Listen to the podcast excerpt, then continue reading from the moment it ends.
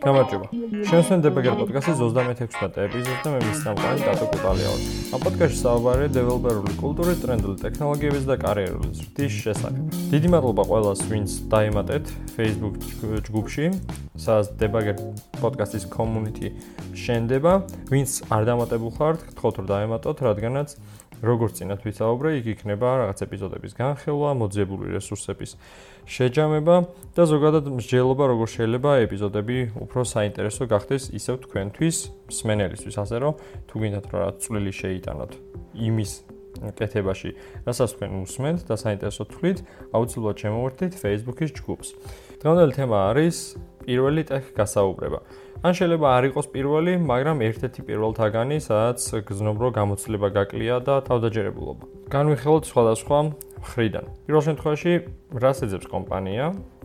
ან რას ეძებს გუნდი, სადაც უნდა დასაქმდე კომპანიის შიგნით?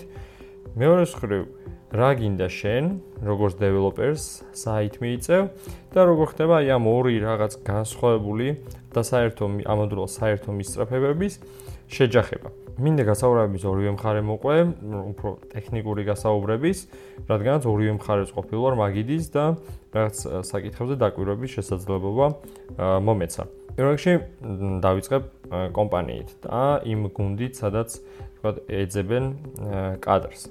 რადგანაც ვახსენე, რომ პირველი გასაუბრებაა, სავარაუდოდ მოისაზრება როგორც სტაჟიორი, ან როგორც და ჯუნიორ დეველოპერი ამ პოზიციაზე. ამ პოზიციაზე კომპანიები განსაკუთრებით სტაჟიორზე არ მოითხოვენ არაფერს განსაკუთრებულს თქვენგან. ადრეს ეპიზოდებში მისაუბრია, რომ საჭირო არის უბრალოდ მობილიზება გაუკეთოთ იმ პროექტებს, იმ პატარა-პატარა პროექტებსაც კი, რაც აქამდე გაიკეთებიათ და შეძლოთ საუბარი რატომ მიიღეთ რაღაც გადაწყვეტილება, ან რას ეძებდით, ან რა ტექნოლოგიას ეძებდით, რომ ის პრობლემა გადაგეჭრათ ამ კონკრეტულ პატარა პროექტში და ზოგადად საით ხედავთ თქვენს განვითარებას ან საით გინდათ რომ განვითარდეთ. და ამ შემთხვევაში კომპანია მზად არის რომ თქვენში ჩადოს თქვათ ენერგია, რესურსები, რომ ისეთი იმ ბიზნესკენ წაგიყვანოთ, რაც თქვენ გსურთ და ამავდროულად ეს კომპანიისთვის რო სახეირო გამოდგეს, თქვა საომალოდ, რომ თქვენ უფრო გზელვადიანად დასაქმდეთ კომპანიაში და აკეთოთ ის საქმე, რაც კომპანიას წაადგება.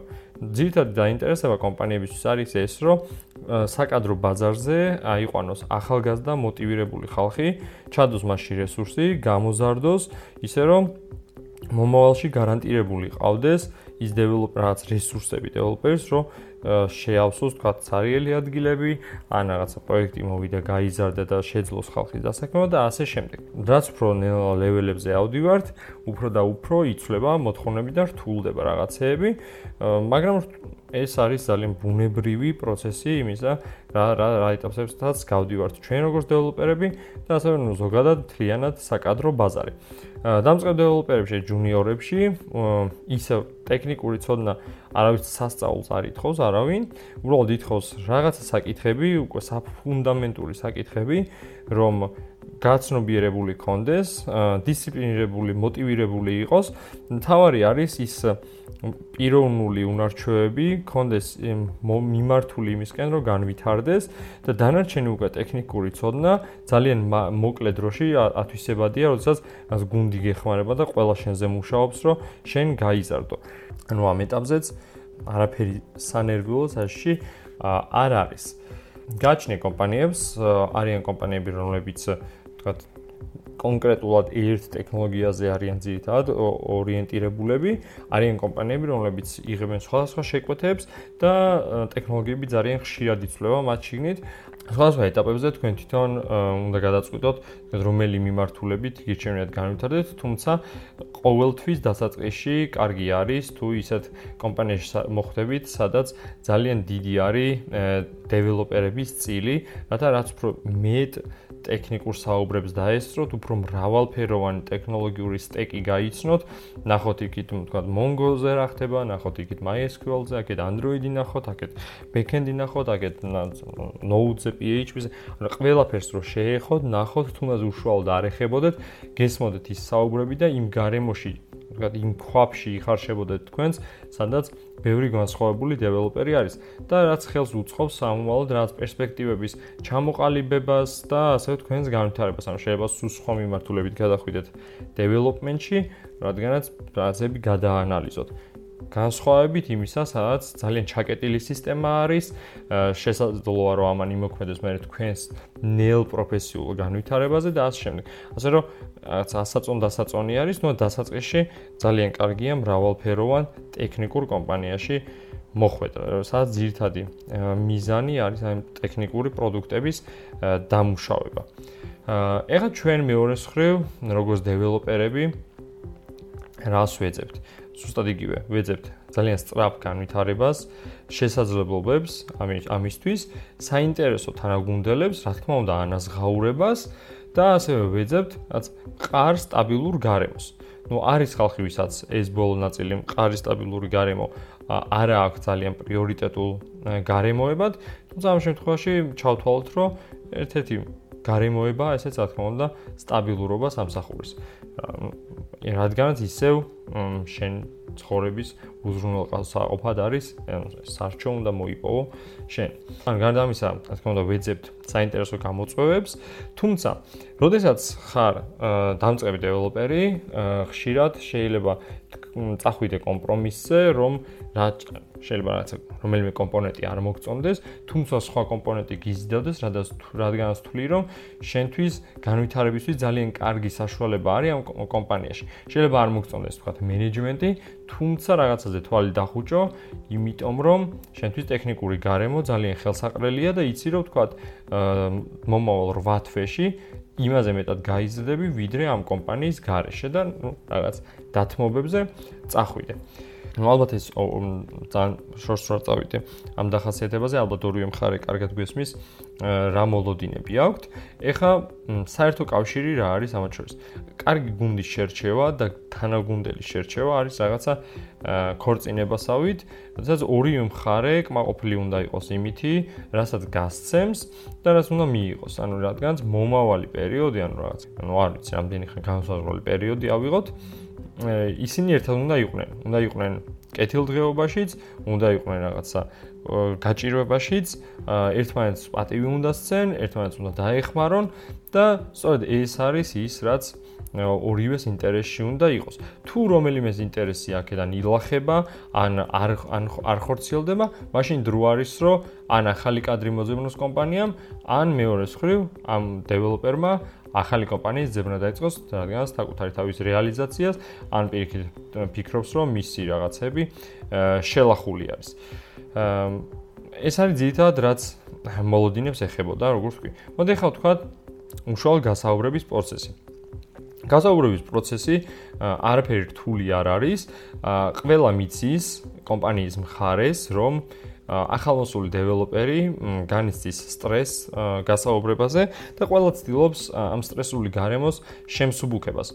ანუ იციან რომ სტრესული გარემო ბუნებრივად არის შექმნილი და ანუ ამიტომ დამატებით დასტრესოს ან სპეციალური რაც ინსტრუმენტი არ არის შექმნილი რომ ხალხი დასტრესონ გასაუბრებზე. პირიქით კომპანიისთვის უმჯობესი არის რომ ვის გასაუბრებაზე დეველოპერმა იზნოს თავი კომფორტულად, გახსნილად, რათა უფრო მეტად საინტერესო დისკუსიის წარმართვა შეძლებენ რაღაც კითხვა-პასუხის რეჟიმში, ვიდრე ჩუმად იყოს და რაღაც ძალით კითხვაზე ძალიან მცირე-მცირე პასუხები ძლივს გამოსტყუს.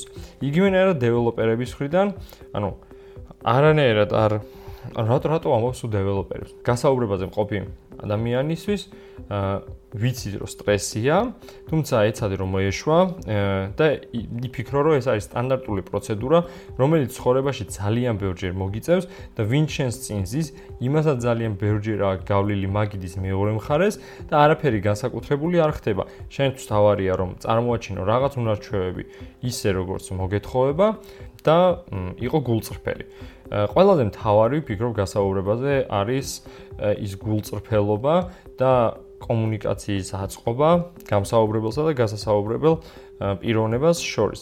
რადგანაც ძალიან ხშირად მარტივი შესამჩნევია, როდესაც რომელიმე მხარე ბლეფაობს. და ძალიან უხერხულია შემდგომ ასეთ რეჟიმში გასაუბრების წარმართვა. ამიტომ ეცადეთ, რომ იყოთ ორივე მხარეს, სადაც აღმოჩნდებით გულწრფელები. გარდა ამისა, კითხვები, რომლებიც რაც გასაუბრებაზე მოდის ორივე მხრიდან, ანუ ერთმანეთის ჩაჭრაზე მეტად არის, რომ სიბნელე სინათლით გაფანტოთ, ვიდრე ის, რომ რაღაცა ჩაჭრათ. მე მაგალითად როგორც აა ვთქვათ, გამსაუბრებელი, ინტერვიუერი, არ ვცდილობ, რომ ვიღაცა ჩავჭრა, არამედ უბრალოდ მაინტერესებს, როგორ ფიქრობს, რომ რატომ იყენებს რაღაც კონკრეტულ ტექნოლოგიებს, რამდენად მოქნილი იქნება მასთან გუნდში მუშაობა და ასე შემდეგ. და ამავდროულად, როდესაც მაგიდის მეორე მხარეზე ვარ, არ მინდა არანაირად კომპანიის რაღაცაში ჩაჭრა ან გამოტეხვა თუ ხვდები რომ არ ბლეფაობ, რა თქმა უნდა.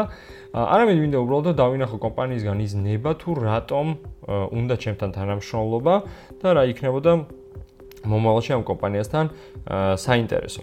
ასე რომ აი ამ ხარეს მოიხსენით სტრესი და იყავით ის რაც ხართ. ვერ გეტყვით რომ პირველივე გასაუბრება წარმატებული იქნება, დიდი ალბათობით არ იქნება, თუმცა ბევრი უნდა სცადოთ, გააკეთოთ ყველაფერი, რასაც გასაუბრებაზე მოგცემენ დავალებები, ანუ უფრო მეტად ზეგანაკვეთურად ასევე და ყველაფერი ისწავლეთ რაც შეგიძლიათ. ტექნიკური გასაუბრება არის ყველაზე კარგი გაკვეთილი თქვენთვის რომ რაღაცა ახალი ისწავლოთ. იდეაში ტექნიკური გასაუბრება საკმაოდ ძვირი უჯდება კომპანიას, რადგანაც დეველოპერები უნდა მოაცდინოს თავის შიდა შტატი, უნდა მოაცდინოს თავარ სამუშაო საქმეს, რათა უმცროსი პოტენციური დეველოპერების ასაყვანად დასვას გასაუბრების მაგიდასთან. რაც ნუ რამ კვირაში რამოდენიმე საათს უდრის, რადგანაც რამოდენიმე ადამიანი მაინც მოვა გასაუბრებაზე. თუმცა მეორე მხარე ამას იღებს სრულად უფასოდ, რათა შეუძლია ამ დეველოპერებს პირდაპირ დაუსვას კითხვები, ისწავლოს სიახლეები, ახალი ტექნოლოგიის სახელები გაიგოს, რატომ გამოიყენება, შეიძლება რაც შენიშვნებიც მიიღოს, რაც აუშუალოდ დაეხმარება დახვეწაში. ანუ წარმოიდგინეთ, რამოდენიმე გასაუბრებაზე მიდიხართ და იღებთ უფასო გაკვეთილებს და ამოდროულად აფასებთ და რა პოზიციაზე ხართ ამ წუთას ბაზარზე და რა შეგიძლიათ რომ გააკეთოთ. ძალიან მაგარი გაკვეთილია, რომელიც არ უნდა გააცდინოთ, ანუ ამის გაცდენა არანაირად არ შეიძლება. და არანაირად არ არის, თქვათ, დამაკნინებელი თუ ბევრ გასაუბრებაზე ხართ ნამყოფი. ტექნიკურ კითხვებს რაც შეეხება, არის სადაც გთავაზობენ, ან უბრალოდ გთხოვენ ალგორითმების წერას, თუმცა სტაჟიორ და ჯუნიორ დეველოპერ ვაკანსიებზე ძირითადად ეს არ მოითხოვება, ძირითადად როგორც ითქვა, თქვენი ზაობა, რაღაც ცირე ტექნიკური ცოდნა და გულწრფელობა. ეს ეს ეს არის რაც არის საბაზისო მინიმუმი, რათა შემდგომ გუნდში შეძლონ თქვენი შეგირდა დაყვანა და ისე გამოძერწვა თქვენი უნარჩვევების და ტექნიკური უნარჩვევების, როგორც გუნდს უნდა და თქვენ როგორც მოირგებთ ამას. მარტივ აჯღერს, თუმცა არ ვამბობ, რომ ადვილია, სჭირდება შრომა და შრომა მეტი არაფერი. თუმცა ყველაფერი გამოსვლადი არის. თუ რაიმე კითხვები გექნებათ ამ თლიან პროცესზე, შეგიძლიათ Facebook-ზე იკითხოთ, ასევე ჯგუფში იკითხოთ, პირადად იკითხოთ, მეილზე, ყველგან რაღაცა. გამოუშვათ, იმიტომ რომ ყველანი ამ ბაზარზე ვართ, ყველა ერთმანეთს ზრუნავთ და მაინც ამ community-ში ყველა ერთმანეთი უნდა გავიცნოთ. ასე რომ, ყველას წარმატებები გისურვებთ და შევხვდებით შემდეგ ეპიზოდში. ნახვამდის.